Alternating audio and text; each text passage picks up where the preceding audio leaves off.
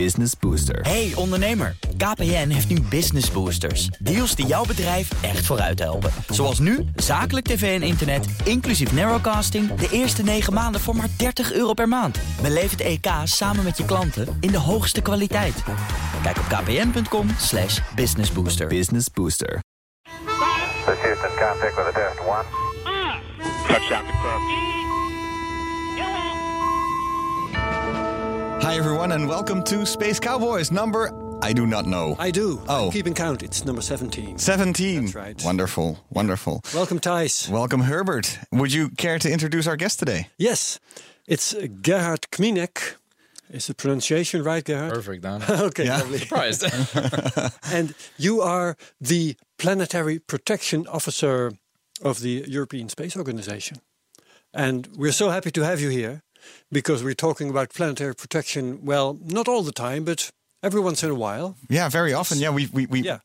I first heard of your position, I think, a few months ago on this For show. instance, with And Tanya then- Masson, Yeah. when we were, were discussing space law, Yeah. somehow this popped up. Yeah. And it popped up several other, other times. But, uh, And what- so we started trying to have you here, and we succeeded. Yes. well, thanks for having me. I'm glad to be here with the Space Cowboys. yeah. And what is a planetary protection officer? Well, it's a fancy title for a, well, I wouldn't say uh, regular, but it, it, it's a standard function that several space agencies have. Uh, when We, we, know NASA has one. Um, Yes. Any other space agencies? Yes, the Japanese Space Agency just too. introduced uh, also this uh, function uh, a year or so ago. Okay. because they started to uh, explore other avenues uh, for their with their missions, and they realized they also need this function. So they contacted actually us. They contacted me and asked, "Okay, how should we set it up?" Yeah. And we gave them some advice, and now they have uh, set it up very similar to the way we have it here, and it works uh, very well. And what is it? Because you're not protecting our planet, you're protecting other planets. No, actually, um, there are two rationals for planetary protection, and th- one of them is uh, to protect Earth when we bring back samples uh, with our missions from another moon or from another uh, planet. Yeah. So when you bring something back and you don't know what's in there, you have to be cautious. And this started, I remember, in 1969.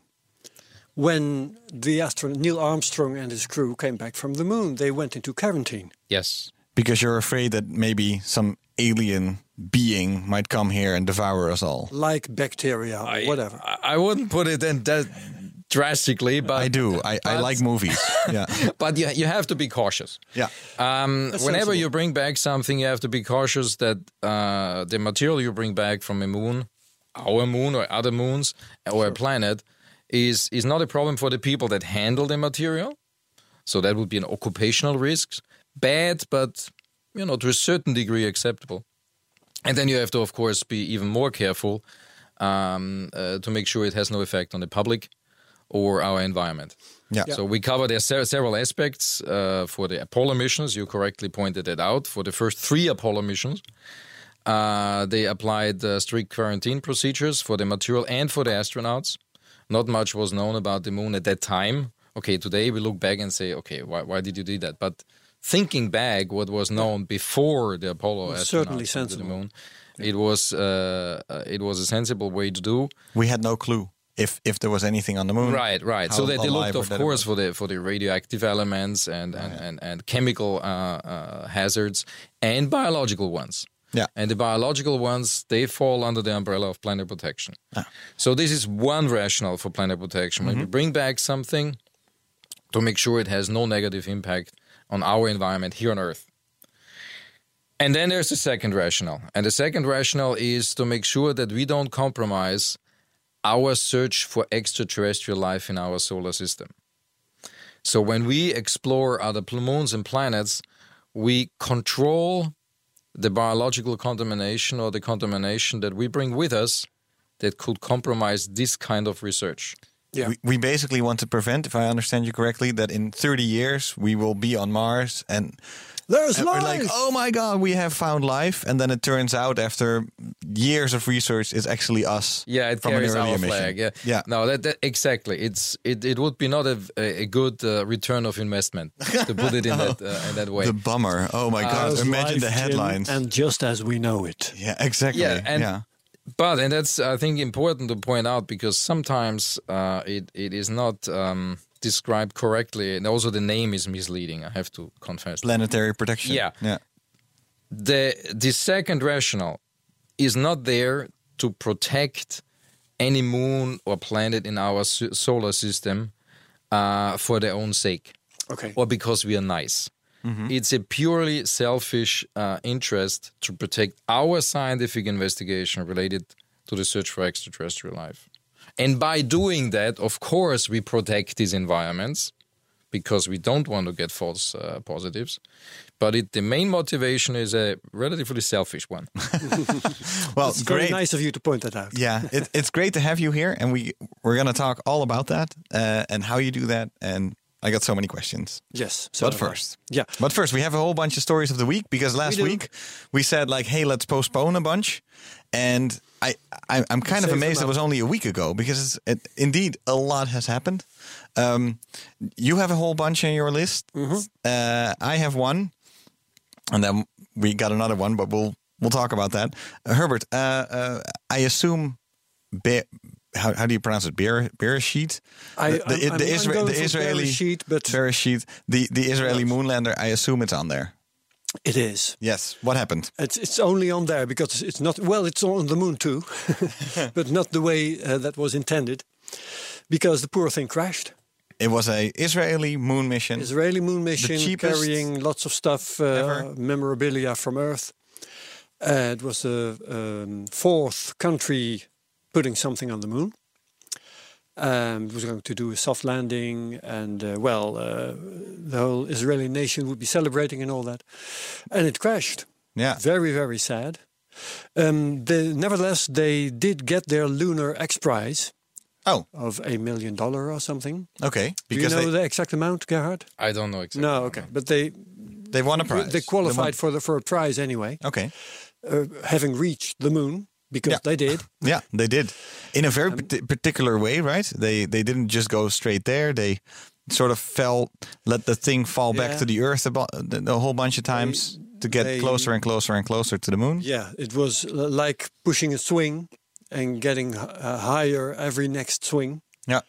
So they did orbits wider and wider until they were wide enough from Earth to um, fall towards the moon. Yeah, and just alone in that, it was already a proof of concept of just really cheaply being able to go to the moon. If only that That's right. rocket It was a what was commercial a land flight as well, huh? commercial flight, right? Yeah. If only that one engine would have worked, it wouldn't have crashed, and it would have Sure. been a success. Yeah. yeah.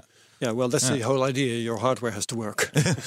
yeah, it's, a good point. the thing has to work. So yeah, that, was, that ended in a failure. That's okay, that was a failure. Yeah. Uh, maybe that's a good point to uh, have you talk about um, the Falcon Heavy. oh, the Falcon Heavy, yeah, because, Because that was a success, and I believe. failure. Uh, and, and then it kind of wasn't. What? Uh, so, so the big challenge for for Elon Musk's uh, SpaceX was this time to nail the whole thing. The, put an Arab Arabsat satellite, uh, communication satellite, I believe, um, in orbit, uh, land the two side boosters, but then also land the center core on a drone ship. And it did all of those things perfectly. And then, and so it was a big success. Great, you know. It's like wow, started sailing. really, yeah, really beautiful. And then the only the only thing that needed to happen was get that rocket back to uh, to Florida, and then it hit rough seas, and the the center core toppled over and landed at the bottom of the ocean. Yeah. So it makes you scratch your head, doesn't it? What? I mean, you're at sea. Um, Yeah. Okay, uh, for Christ's sake, uh, tow it or something. Yeah, I- mean, it is a drone ship. You you you can imagine that uh, they could also just have a ship nearby that at least the landing itself, you know, is is uh, in some sort of way controlled uh, automatically, so that when it blows up, you're uh, you're not close. But then I don't know, secure it or whatever. When uh, when I, I, yeah, I, I, maybe that's what I liked about the previous um, Falcon Heavy uh, launch a, a year ago was that it it was a gigantic success. They because that- launched this Tesla Roadster. yeah, because they launched the Tesla Roadster. The, the, the rocket worked. They also put like a whole bunch of funny art in there to sort of inspire the world and grabs the world at, at- attention. play the right kind of music. Exactly, play the right kind of music. All those jokes and all that fun was all part of it. And then, mission wise, uh, the center core didn't land. So you could also even say that as an experiment, well, it was mightily successful because there was still room for improvement. Yeah. And now again, there is still again room for improvement. So that's That's true. that's that's nice. So that they learned something. I hope. Um, I. If I was also, I don't know, YouTube was push, pushing this one video on me all the, the time. Uh, NASA's uh, director, uh, Bridenstine, um, was also saying that uh, they're now really looking into using the Falcon Heavy to get to the moon in 2024 on that on that crazy mission that we talked about a, a few weeks ago. Yeah. where they want to With the passenger. yeah, they want to Yeah. put a man on the. The Americans want to put a man on the moon again, or a woman. Well, And- first they're going to circle one around the moon and back. Uh, oh, I, I missed that. Yeah. The, the, the, this paying passenger. Um, okay. Right? Oh, I didn't. I didn't see it. Yeah. As maybe. as I know. Okay. Okay. Well, we'll, we'll we'll use the Googles. Um, and uh, but now at least he said that the space launch system uh, that they have, were developing. I, I think the quote was something like this: "Nothing's off the table. We're really looking into it." I mean, it, w- he would be kind of silly if he wasn't, because if it's much cheaper and a, and a better option, um, I believe in connection with the, the Orion capsule, Falcon Heavy. That's what he said. They're looking into that option. So it's it's a huge success still for the Falcon Heavy. Yeah. All right. So, um, You Well, had you had some more on your list. yeah, I. I, have more failures as well. oh, failures. Okay. Because um, there's an Intelsat uh, geostationary satellite in trouble, Mm-hmm. Intelsat 29E, and it's really weird. There's there's video. I found it on Ars Technica. I'll put the link in the show notes. And you see the satellite emitting fumes and doing strange, uh, weird things. And um, one thing is very clear: it doesn't work anymore. Okay. So there's a satellite up in geostationary orbit, and uh, it's uh, suddenly started to, uh, well, not exactly explode, but but uh, leaking stuff, and nobody knows what what's happened to it Okay. because you can't look that closely. Um, but a couple of things like this have have happened in geostationary orbit uh, lately. Mm-hmm. Um, let me see if I can find it back quickly. Mm-hmm. Um, okay, during the last two years, I'm, I'm hitting right uh, the, the right sentence here. During the last two years, satellites such as AMC 9, Telkom 1, Amos 5, Eutelsat 33b, EchoStar 3, and Galaxy 11 have all experienced on orbit anomalies. Hmm. So there's something wrong in geostationary orbit. That's that's that's not good. yeah. Uh, so that's all I have to say. I'm going Okay. to do this quickly. Yeah. But that's. Uh, You want to talk about planetary protection here? I'm so Oh, excited. Another story um, that we should mention Mm-hmm. is the story of Scott Kelly. Uh, this, the story of the Kelly twins, actually, Oh yeah, I because did they see did something about that. The, the, guy went up in, uh, into the ISS, Yeah. stayed there for a year, and they they researched everything. I mean, they took his blood a thousand times, they took his stool a, a thousand times, and everything. Maybe his sweat as well, and did the same with his brother down here on Earth. And Mm-hmm. Mark they Kelly. compared everything. And what I found fascinating is um, the headlines about this research depended very much on the perspective that um, uh, the, the medium or the journalist had to begin with. I mean, one headline was like, um, long term space flight can be done. Yeah, And the other one might read, long time spa- space flight is as dangerous as we thought. yeah, You really know? has an influence on people's Yeah. bodies, right? Both yeah. are probably true. yeah. But uh, that was It- it- really they- fascinating. It's fascinating because they could really compare these two people. Uh, Yeah. yeah, one Uh, although one on Earth, N is one still one. Although it's two, yeah. only one set of twins has been studied. okay, yeah, good know? one, good one. So uh, Yeah, so the- the that- results came that out was one that sensible, sensible study, conclusion that I read Yeah. someplace. Um, actually, they should do this on many more twins, Mm-hmm. many more sets of twins, uh, before you can really say something about the long-term effects of Yeah. spaceflight. Yeah. So Great. that's uh, one more. Mm-hmm. Then we have, um, let me see. Yeah. What else happened? Um, Amazon uh, is also now up there among the companies that want to um, um, establish a space network to supply internet, to provide internet to Earth. Yeah. So now we have SpaceX. um, SpaceX, we have OneWeb, and we have Amazon. Yeah. And then we're not even counting Hiber, yeah. which is doing um, uh, an internet uh, for Internet of Things. Yeah. For internet. Low of things. bandwidth and everything, but the other three do high bandwidth Yeah. for people. I mean, and so it it will mean an, a global broadband Yep. Access So this anywhere you are competition. on, uh, in the world. Low prices, high quality. would we be we. I, I- I would assume it would be almost as revolutionary as the, as the difference between dial-up and broadband. It's just a completely Yeah, different perhaps. ball game Yeah. Yeah. when it comes to internet. So Amazon is get, getting in there as well. Yep. using their own rockets. I would assume And, Blue yeah. Origin. Yeah, Uh, only two things have to happen now. Um, the uh, satellites have to really be launched Mhm. because oh, uh, I mean I think uh, SpaceX has done two, OneWeb maybe six. I'm not exactly sure. Do Okay. you know it, Gerhard? Okay. Um, and we need the the hardware on Earth, of course. We need the handsets. yeah, yeah. All right. Oh. Uh, last one is um, the company called Relativity Space. Okay, yeah. They manufacture and and uh, get this uh, 3D printed rockets. 3D printed rockets. Yes. What type of material do they use? Um, it's metal, some kind of. You can metal. deep 3D print metal Uh, now. go- Oh, I didn't go- know. go Garrett is, is yeah. You're saying yes. You can also print metal. Click on the story now. Ah, Uh, anyhow, um, they um, and it's not just a plan. They got their first contract. Mm-hmm. okay, that's the story. okay. Ambitious rocket company Relativity announced its first customer on Friday, the global satellite operator Telesat. I, I, if for well, they're probably gonna test, test it out first before they before they shoot it Sure, up. sure, sure. Yeah. Um, I'm not hitting upon the right sentence now to find the What right the kind launch of It's is? probably going to be al- aluminum. we'll see. What else could it be? Yeah. What else? It has to be light. yeah. Gerhard. So, we asked you to bring a story of the week as well. I believe Yes, you was have you asked- just have a very good story. I That's was the asked story of the yesterday. you have the it- story of the decade. No, yeah, exactly. Nobody told me it has to be a recent one. So Sorry, uh, apologies. I, I- I just realized you had your 17 show here now today. Mm-hmm. So okay, I, I, I talk about a mission that uh, ended in 2017. Okay. Oh yeah, yeah. fair Uh, enough. Which is fine.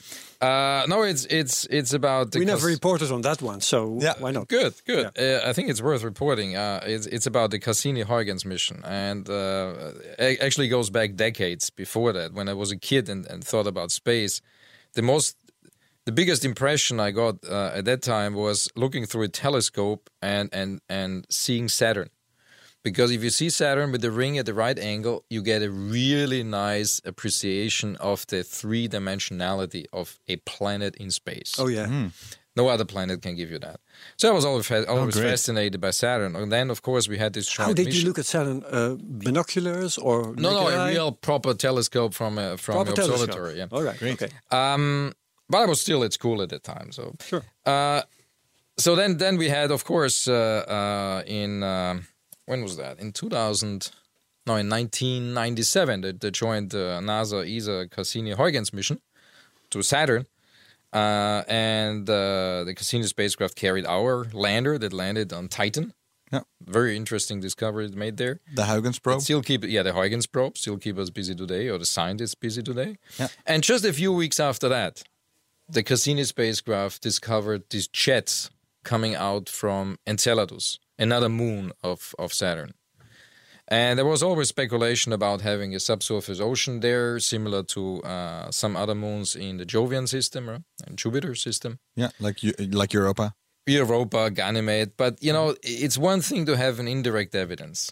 Um, it's another thing to have direct evidence. Uh, So for for the Cassini mission, it came very nicely. You had you had these jets coming out of ice, uh, silicates, and, and and interesting chemistry, which was measured by uh, a joint uh, U.S. and and European uh, science uh, team and um, and you had then also other measurements by the spacecraft confirming that there, you know, is, is, is subsurface ocean there. So it's it's I I found it interesting even today after the mission is over. It it it uh, it uh, entered this uh, Saturn uh, in in 2017 uh, to avoid crashing on Titan or Enceladus. So not sticking around as long as the fuel is still there was actually a planetary protection uh, uh, requirement. Oh, can you explain that? So Yeah, I mean, uh, if if you're in a Jupiter system and and the Saturn system, there are moons there that are interesting because we want to learn more about the origin of life and extraterrestrial life. Now, on Mars, of course, Mars is very interesting, but looking today at Mars, it's it's a desert. And and we really looking desperately also for for evidence of liquid water that is not billions of years old. Uh, that evidence is very clear. You just have to look at, at the planet. But something that is more recent, very difficult. Mars Express, another mission that we have launched a long time ago, has now found uh, very nice evidence uh, of, of, of, of liquid water, but it's very deep. So very difficult to get to. Now on this pla- on these moons in a Jupiter and Saturn system, if you uh, if you fly around there, um, and make your investigations. Um, at the end, you have to make sure that the spacecraft doesn't crash on these moons uh, and contaminate these moons. Because again, if we look for evidence of life, we don't want to find our own life, like you said at the beginning of the show. yeah, And there are two ways to deal with that: either don't crash there, that that would be good. yeah, or or you control the biological contamination. So for uh, Cassini, the approach was we don't crash on the moons, uh, and so the the final uh, fate of the Cassini spacecraft was not to just hang around as long as the fuel is there, and then suddenly you know it's it's dead and you cannot control it anymore with a potential crash on one of the moons. Huh. No, the decision was because of planetary protection regime, you decommission the spacecraft and you actually um, uh, move the spacecraft into an orbit that will then enter the Saturn, the planet, Yeah, um, and that will end the mission. Now, it did some fancy things and the scientists got happy, um, but this decommissioning was because of the planetary protection. Rules. that was that was definitely a part of it. So the idea is um, uh, you choose to uh, to decommission it the way you just Yes. described, and if you do that, you don't need to sterilize it Exactly. uh, before the mission begins. Yes. Yes. Oh, really? So e- even way before that was Yes. already decided on. Yes, and th- that's the critical thing here. Yeah. Um, like I said,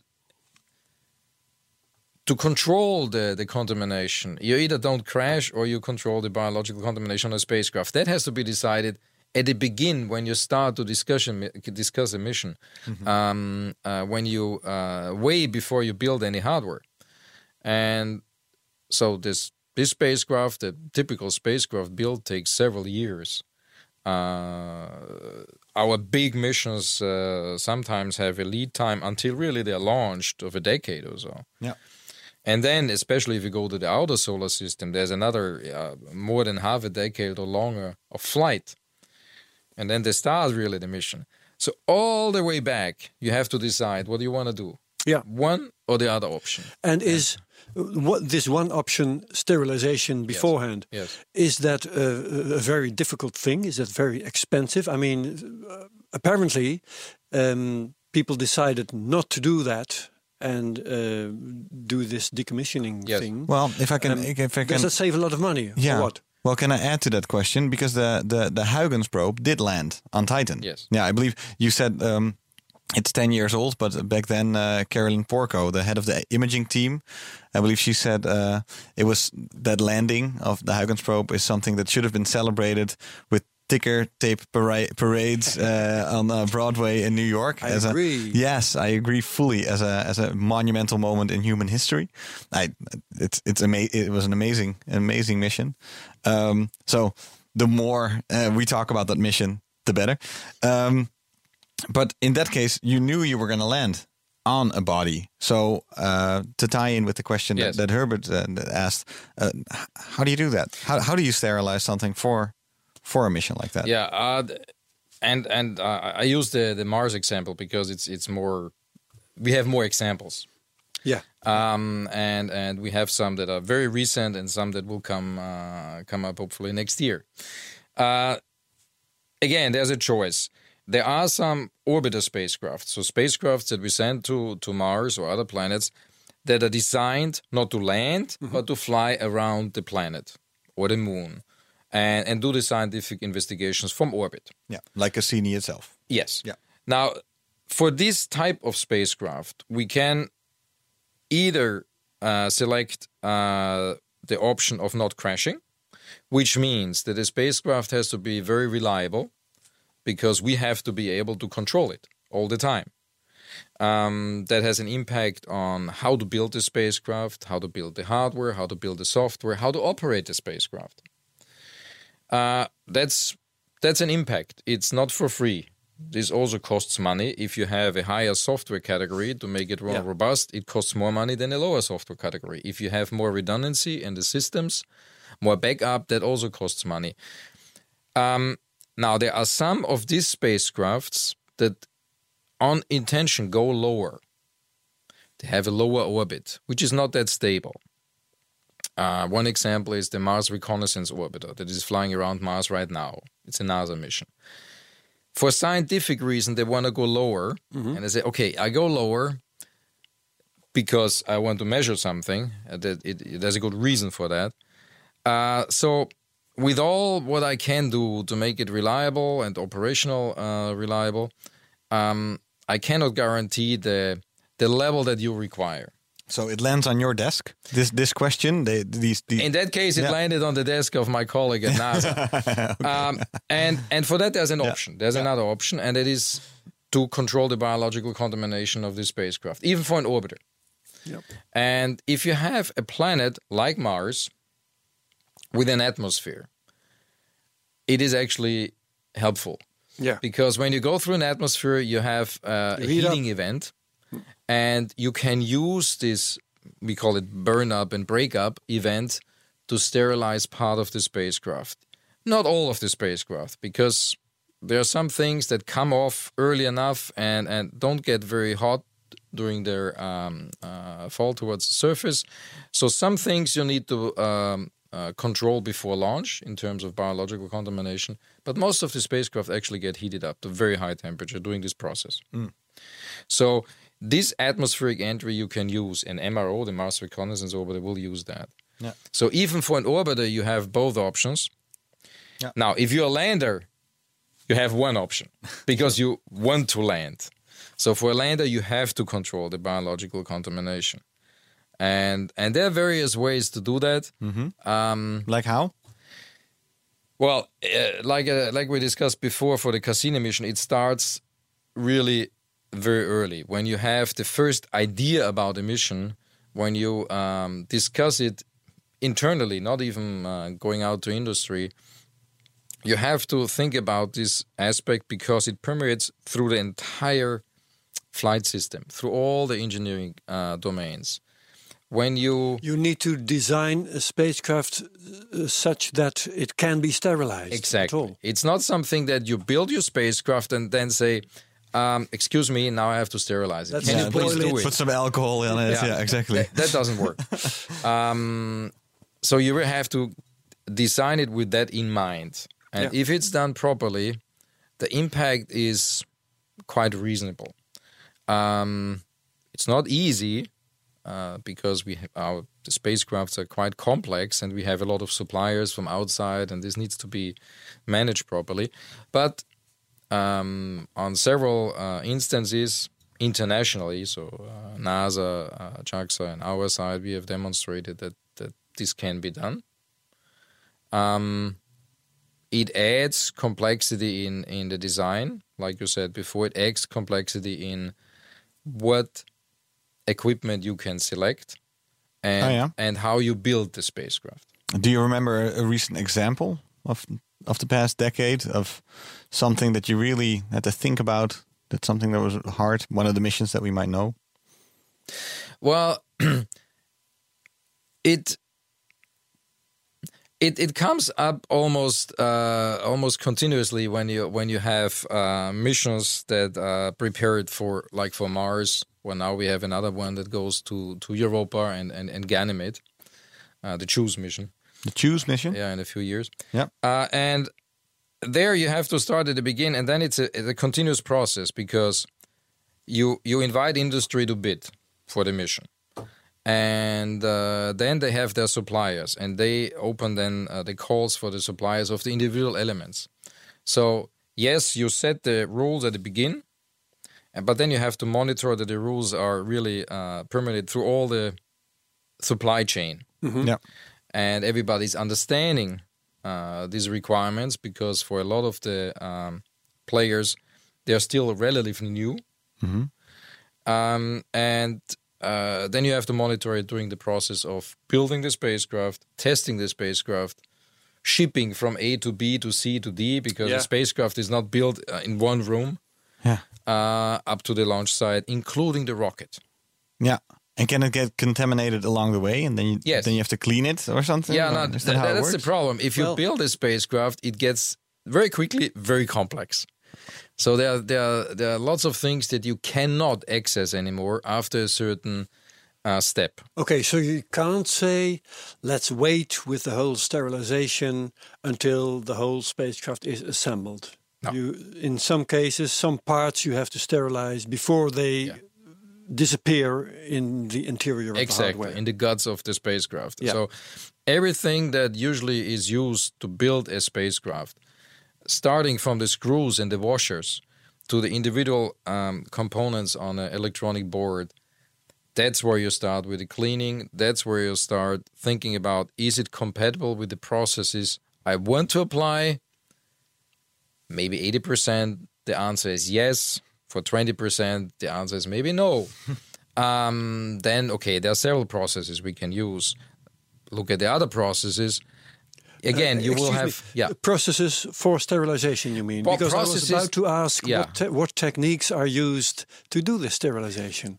Because we, we were joking about it just now, alcohol, heating. Yes, yes. Tell me. Uh, So what? absolutely right. What's the repertoire? Um, first, I, I I try to avoid usually to, to use the term sterilization because it it's it um it, it's maybe a little bit misleading. What we try to do is to reduce the biological contamination to a uh, to a level that we know and to a level that we uh, um, can measure. And that begins to answer another question I had. Can um, I, I keep calling it uh, sterilization Yeah. for for some time? Yeah.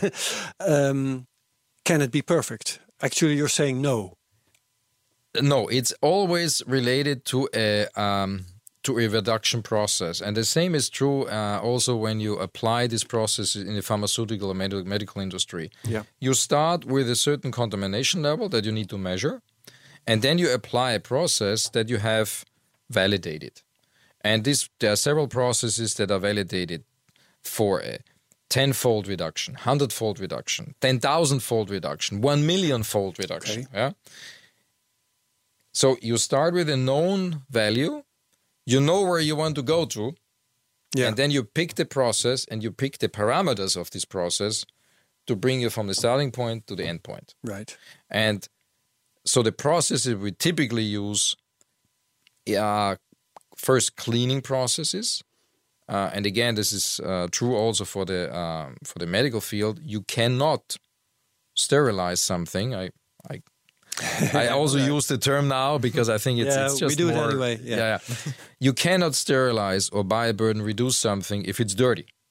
That's Mm. why in the hospital, when when you know after surgery, they, they first put put everything in the dishwasher to clean it from from the uh, um, from the well to clean it Yeah. Well, okay. Blood. uh, stuff, blood, yeah. uh, whatever you have, the debris, um, and and then you can expose it to a sterilization process. So first we clean it, and we use different solvents for that. Alcohol, different forms of alcohol, alto- alcohol water mixes, acetone, hexane, uh, different solvents are used in these processes, tailored to a certain degree to the hardware. There are some, some things that cannot deal with water. Uh, there are some things that cannot deal with hexane. So Yeah. there are some flexibility. Okay. Electronics, clean it. water, don't mix. Uh, actually, it, it, it works. Uh, Yes. Um, and uh, but it's it's always the question at what step you you inject this process because for example if you build a board you might say okay the electronic components don't worry you know you can clean it with this and this uh, solvent yes but then you put on the board a conformal coating this is this gooey stuff that you see sometimes on these electronic parts um well that's a different story now Yeah. because some of that does not like water. It starts to swell and actually some deterioration happens. So you have to know that and you have to know when you inject these cleaning processes.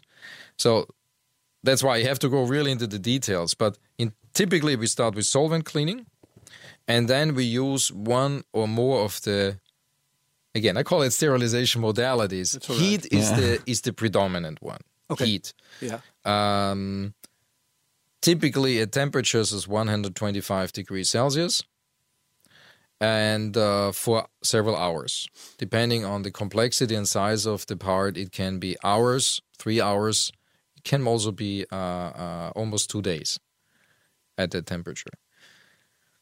Um, if that doesn't work or if items are not compatible uh, with this process, we can use um gas processes hydrogen peroxide gas process, for Oh, wow. example, Okay. Yeah. ethylene oxide gas processes. All of them are also used in the pharmaceutical industry and in the medical industry. Mhm.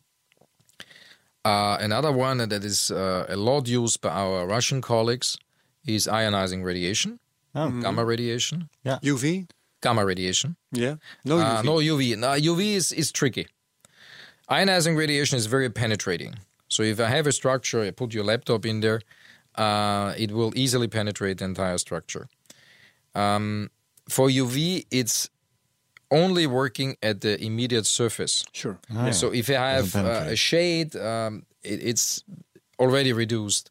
If I have a couple of dead microbes on top of another microbe, Oh, really? it's happy, happy. Yeah, Oh, it, yeah. doesn't, it doesn't, uh, uh, doesn't see the UV. So UV Yeah. can be used if the item is controlled uh, very well. So if it's cleaned carefully before, so that you make sure that there's no shading and there's no buildup of contamination that could protect from the UV. Yeah. How much contamination is there? Like, is it teeming with microbes, even in a in a space that that seems relatively sterile?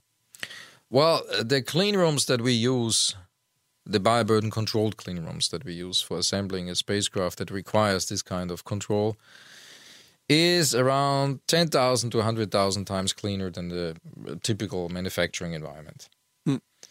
Um, Wow. in order to do that, and we still have people in there.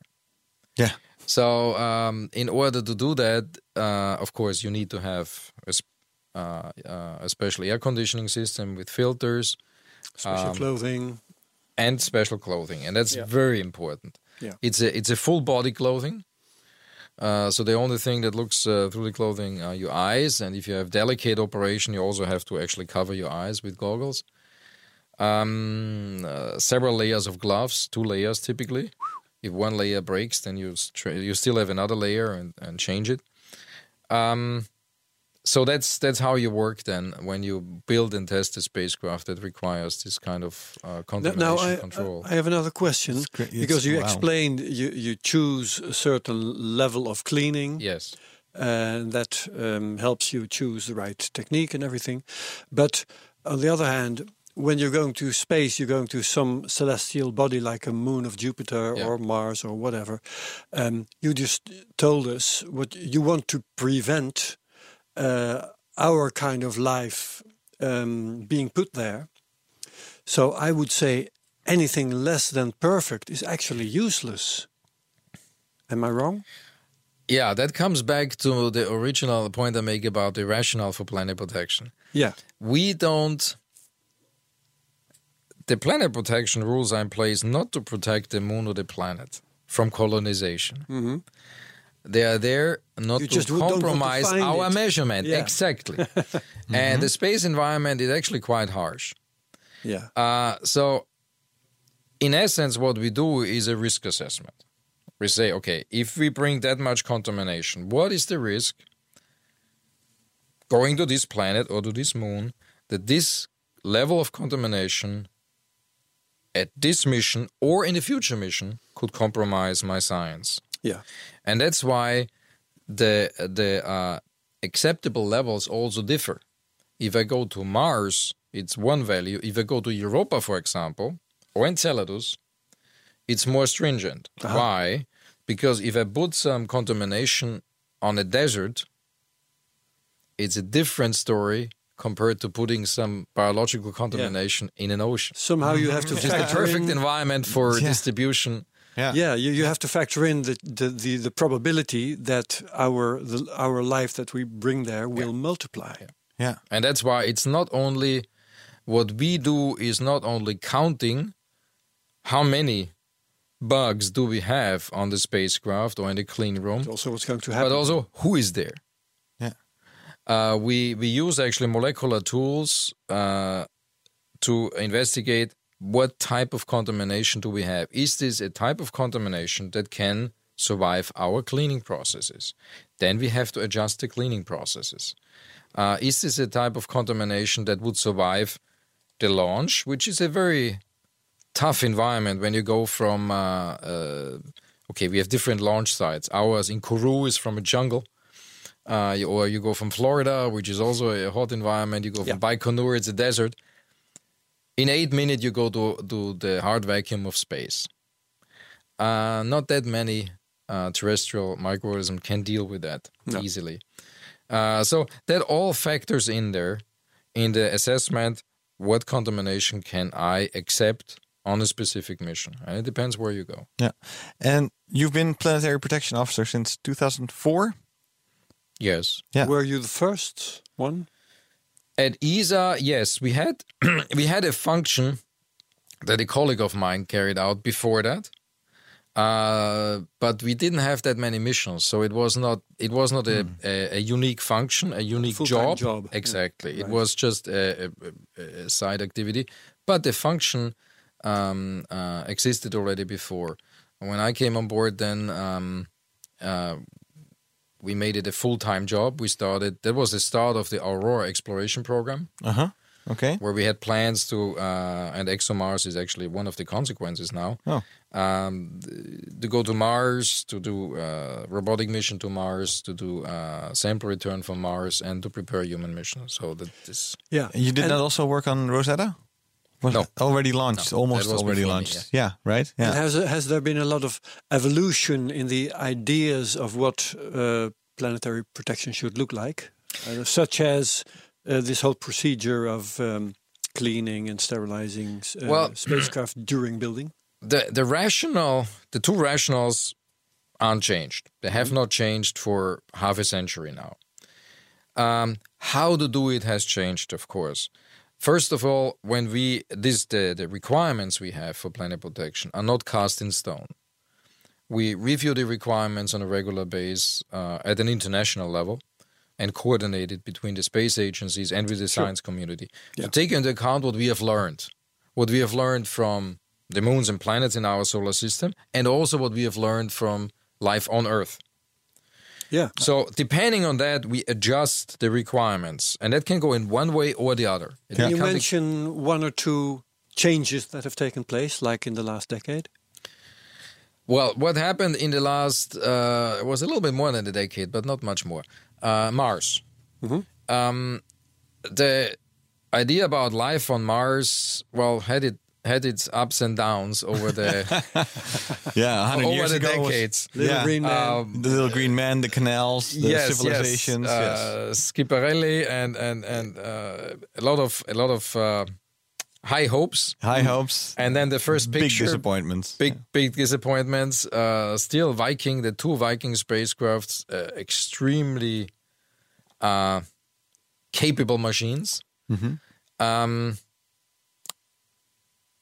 were sent to Mars with a clear clear intention to, to really look for life, and uh, and okay, the the results were mixed.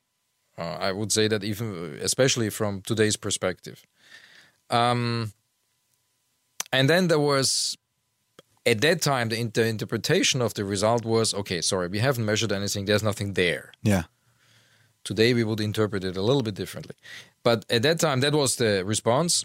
So there was then, uh, as a consequence, no Mars mission Oh yeah, for for uh, more than two decades. yeah. Because Almost people three decades. people almost expected back then that that they would find a planet that might be alive, but a, a lot more. I have never known Mars anything different than a big red desert. Yeah. But back then there was. It was all up in the air. Like maybe you'll find a civilization. Yeah. Yeah. Maybe who knows what you'd find. And the disappointment was so big. It, it was that- big that- that- enough not to have missions not for to a have long missions time. for a long time. yeah. and and then people um and then people discovered different things first uh, after sending again spacecrafts to mars they realized mars is not one environment they're like on earth there are different environments on mars some okay some look more more this uh, like a desert and would not be uh, conducive for life but there are other environments that could maybe support not only terrestrial life to survive, but even to propagate, multiply. So that was one aspect that that, that came on the table. Uh, I just mentioned gullies here. Gullies were discovered uh, um, uh, by imaging from orbit. These were on steep cliffs um, there was evidence of of of uh, water coming out. Yeah, and streaming down. Yeah, Yeah, um, especially or for, for, for, for some orientation towards uh, under the right season. So the the evidence, the morphological evidence from orbit uh, was okay. There's something that is not three and a half billions of years old. That's more recent.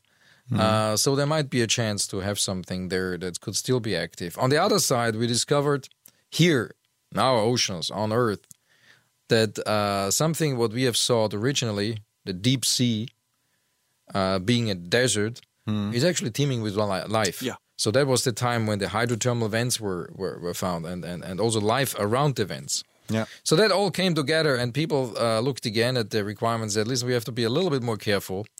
So we we we uh, we put zones on Mars where we have confidence that okay, it will not be that problematic. We have a certain contamination level that we can allow, and then there are some unique features where we just today don't know enough about, so that we can clearly say that is not a problem. Yeah. So for these features, we make sure if a mission goes there, it is cleaner, Ah, yeah. clean enough. Um, and so a concept was born, the special uh, regions on Mars, um, that is actually puts now a zoning on the planet. Uh, and that was one thing that um, um, changed the requirements Yeah. for part of the planet. It made it more stringent. right. Yeah. Now, since then, uh, we have many more information from orbit, and uh, the gully features that were seen originally, there were several types of these gullies. They were all put in the special region, in the special region box. Since then, we know some of them had nothing to do with liquid water. so they were taken out of this box. So that's another. Um, it's just a normal evolution of science. Yeah. But that was another example of okay, we change it, and this time we relax it for this kind of uh, targets. Yes. So and, th- and so, like you said, um, it the the the idea that we're not contaminating Mars, uh, and maybe you know with a microbe that might eat the life that's there. That's a sec- almost like a secondary uh, objective. If I if I understood you yes, correctly, Yes. yeah, Li- Like I said, I mean the the, the, the, the one of the rationale is really to protect our yeah, uh, scientific industry in the search for extraterrestrial life in our solar system, and just to not compromise it means yes, we protect the planets and moons to a certain degree, yeah. but with this motivation in mind. Yeah, and it could be in two two ways. I believe that on one hand, your instruments itself could be contaminated, so you're just you're just see, looking at life from Earth from Earth, and it's just you know, like a dirty lens almost. Um, and the other thing is that you maybe leave something behind that replicates over the years, over the eons, that you will then find again. Th- Exactly, those yeah. will be the two Yeah. two ones. Yeah, And it's Now- a good example because we're right now we're building a spacecraft um, that is again looking for life. Oh, the which one? first one since Viking, since the two Viking missions, that has a clear scientific objective uh, to look for life on Mars. We- And and this is the ExoMars 2020 mission. So Mm-hmm. we plan to launch it next year. And not just the indirect stuff, uh, such No, no. as is there any water present? no, no, no, no. Really looking for the organic molecules Great. that uh, uh, uh, would indicate that there is life. Um, and for this instrumentation and for everything that actually brings the sample to the instrument, we have to make sure that's much, much cleaner than a just normal Like the cleanest thing you've ever made. So this instrument cannot, these instruments and the assembly of the instruments in the uh, chain of systems that handles the sample, that cannot be built by people in the room. So for that we have actually uh, stainless steel glass glove cabinets uh, where people go, uh, you know, with gloves inside, and that's how they assemble Yeah. this part. And this is closed, put under overpressure, and that's how it is brought out. So that's another step in the complexity to make sure that you know whatever we measure on Mars is really from Mars. Now we know that there is some exchange of uh, like meteorites. Mm-hmm. Uh, Mars, Mars Meteorites, rocks have been yeah. found on, on Antarctica. Um, Yes. I believe people assume that it's uh, possible the other way around as well. To a certain degree. Yeah. Um, so uh, is is this uh, the, the planetary protection like you just have been describing? Um, is, is that useful at all if you know that there can be exchange of rocks with what not on them? Yes. Um, there are two answers uh, to this question. First of all, uh, yeah, yes, it's true. Of course, we have meteorites from Mars on Earth. Yeah. Um, and the process works the other way around because we have a deeper gravity well here. It's not as efficient to go from Earth to Mars, but in principle, the process could happen. Yeah. Now, the detail lies actually in the um, in the material that can be transferred. How does it work? You have a big impact, an asteroid impact on Mars, that is energetic enough not only to punch a hole in the surface, but also to eject material with enough velocity to go through the atmosphere Yeah. to leave the gravity well of Mars and to fly to Earth. Yeah. It is not clear that the type of material where we would expect life, sedimentary material, mm-hmm. Can survive such an ejection process. Solid material, rocky material, yes. And that's what we have found in the Martian meteorites. Yeah. But this type of materials that you also have on Earth and, and the different places that is much more fragile. Very questionable that such material could survive the the um, Yeah. the impact event and be ejected in a, in a way that you know would still be able to leave Mars, fly to Earth, and come here. Yeah. You would have need a microbe that's inside that rock, it, surviving first an impact event, then being shut out and flying through space for a long time, and then entering Yeah. Ma- Ma- Mars's atmosphere Lots or the heat other way will be around. involved in the Lots of heat. probably. Well, the the time can be short. Okay. Uh, it is sometimes long, Yeah. but it can be short. Yes, Yeah. it can be a matter of of, of, of years. Yeah. It can be a matter of, of much longer. Yeah. That is one aspect. I wouldn't necessarily stress it too much. No. Um, the heating is true. Uh, you have heating when you eject the material on Mars and when you go through our atmosphere. But on Mars, when you eject something, there are there are Actually, some I'd li- I'd rather discuss the other way around. Uh, Yes. you know, an impact on Earth yes. with stuff being transferred to Mars. It's the same. It's the same Pro- thing. yeah, of course. Yeah. Uh, And then us even finding you it. need more energy. you you need a bigger impact. Yeah. So um, we have the same the same reasoning there. It's Yeah. not clear that we can launch this kind of porous sedimentary material um, into outer space in a form uh, that this material can actually survive, life be transferred, and enters another atmosphere. yeah, yeah. So that's one answer. you have the la- landing as well. That's right. Yes, Yeah. but that's one answer, and that's the answer of you know exchanging material. There's another answer, and that is uh, protecting Earth. So again, not clear that this happened actually in the past, uh, but even independent of that, um, the public but also regulatory authorities deal differently with natural hazards and man-made hazards. So even if this would be true, uh, the level of scrutiny we would apply on a sample that we bring back with us from a specific location on Mars on purpose uh, will be different compared to a natural influx. Yeah. It's like if you build your house in an earthquake region uh, or um, you know fly on a plane or, or go on a train. The level that you as a person accept is differently, and the same is true for regulatory agencies. Uh, the level of risk acceptance is, is differently between man-made and Yeah. natural phenomena. I, I can imagine you must be the most detailed worker at, at, at ESA. Like, are you are you well liked as a as your not as a person, but is your function well liked? The planetary protection officer says no. yeah, says no. Like, oh, we have to do No, it no, all no. That's. Yeah. that's actually all of my colleagues work very hard, uh, and uh, and most have much more knowledge of it than I about the spacecraft, how it works, and so on. I have one function.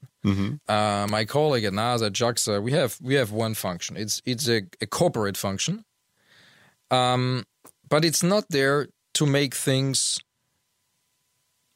more difficult than necessary.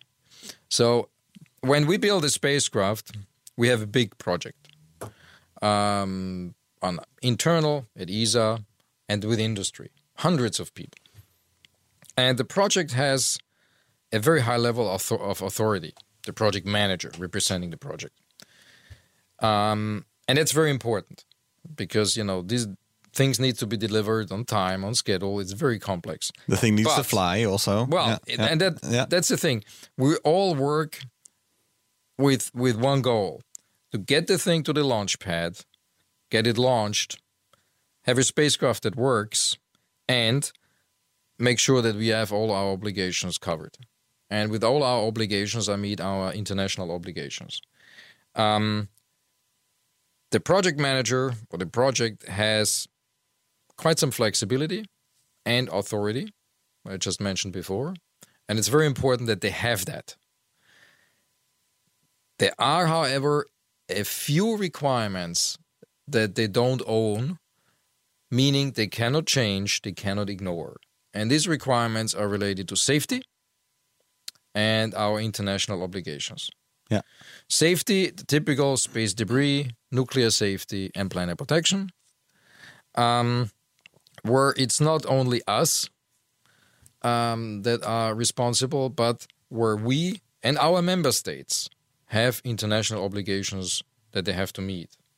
So these are actually covered then by the age by agency level functions.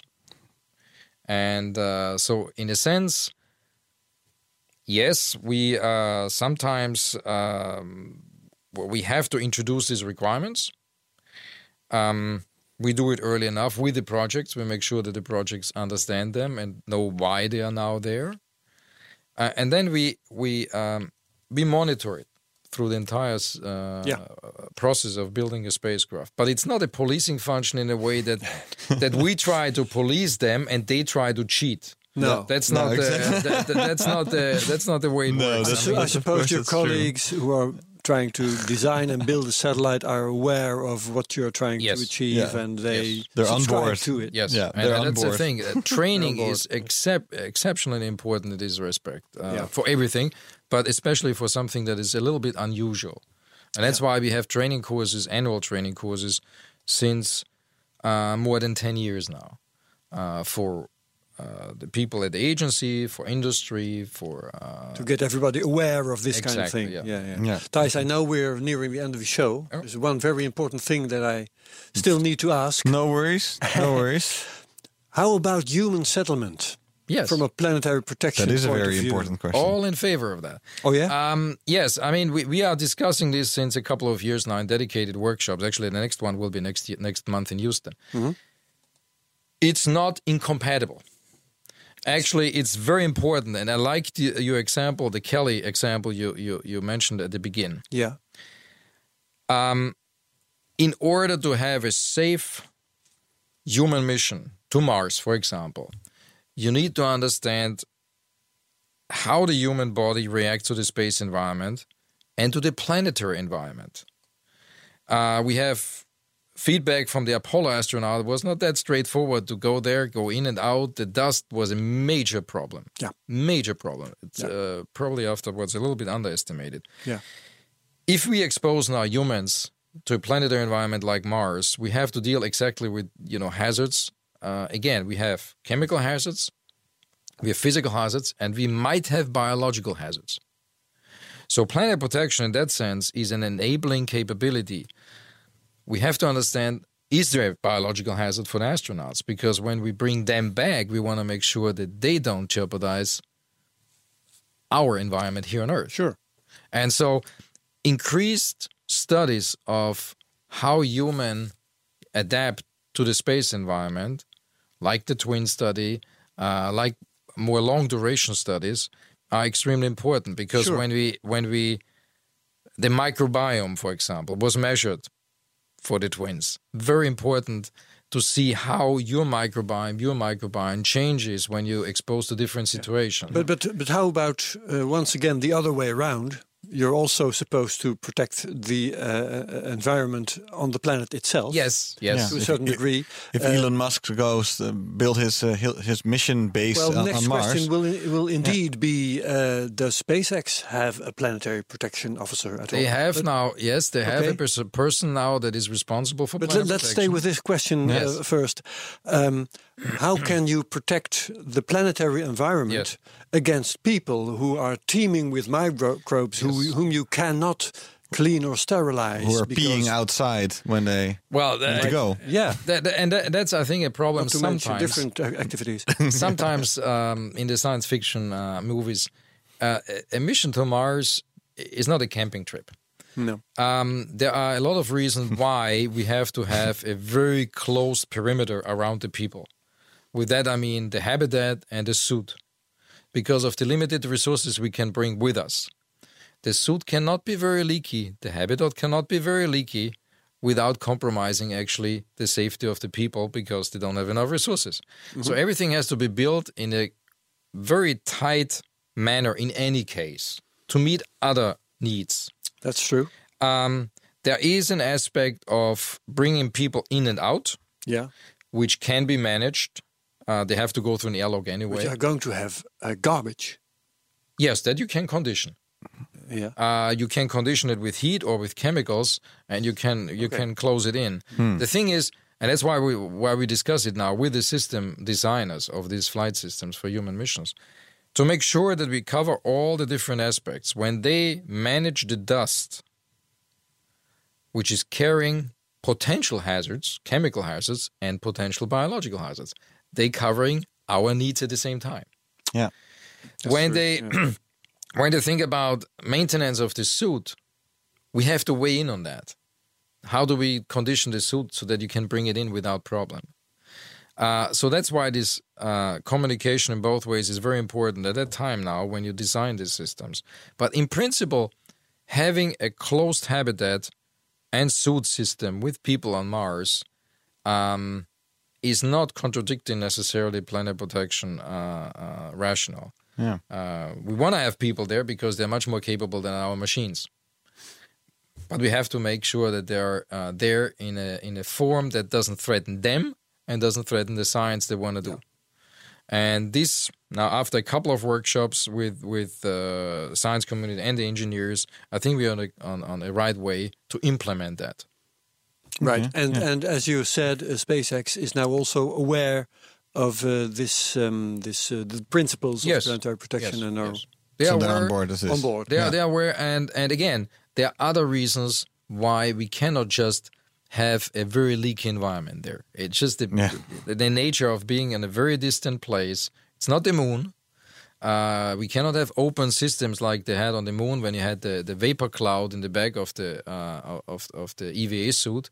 It doesn't work on Mars because it's an atmosphere. You would have an ice pack in a minute uh, that you could carry. So there are lots of reasons why this is actually easier than on the moon Oh, uh, when Okay. on Mars. Yeah. I, I, I just want to know, uh, just to summarize, which uh, planets or moons have you protected? In terms of missions, Yeah. well, most of the work is going for is going into the Mars business. Yeah. uh, and lately uh, for Europa because of the uh, new future. mission for the yeah yeah. That, Yeah. But it's it's it's it's being uh, uh, we have the, the the project is ongoing right now, and they're starting construction phase. Then I think later this year uh, in Friedrichshafen. Exciting. Lovely. Exciting. Yeah. You're going to be there to protect Europa from us and the other way around. That's right. Thank you so much, Gerhard. You're welcome. Yeah. Thanks for having This me. was a great conversation. Yeah. it Was. And Herbert, thanks to you as well. Just uh, You're welcome. Quick note to Thank our you. listeners about next week. Uh, also, very ex- I'm very excited for that conversation as well because we're uh, going to talk to Sera Markoff. Oh yeah. She is professor at the University of Amsterdam. But not only that, she was also a member of the science team of the Event Horizon Telescope. For Okay, the world black famous, world famous now, the black hole picture. So next week we're going to talk about that picture and um, how it was made, what we will learn, What like it means, everything. yeah. Like that, that was that news was so big. That's it's like a cultural moment. Still ringing. Yeah. Yeah, it's still ringing. So uh, looking forward to that. Uh, thank you all for listening. Thank you, Gerhard. Thank you, Herbert. Thank you, Thijs. And uh, talk to you all next week. See you next time. Bye. Bye bye.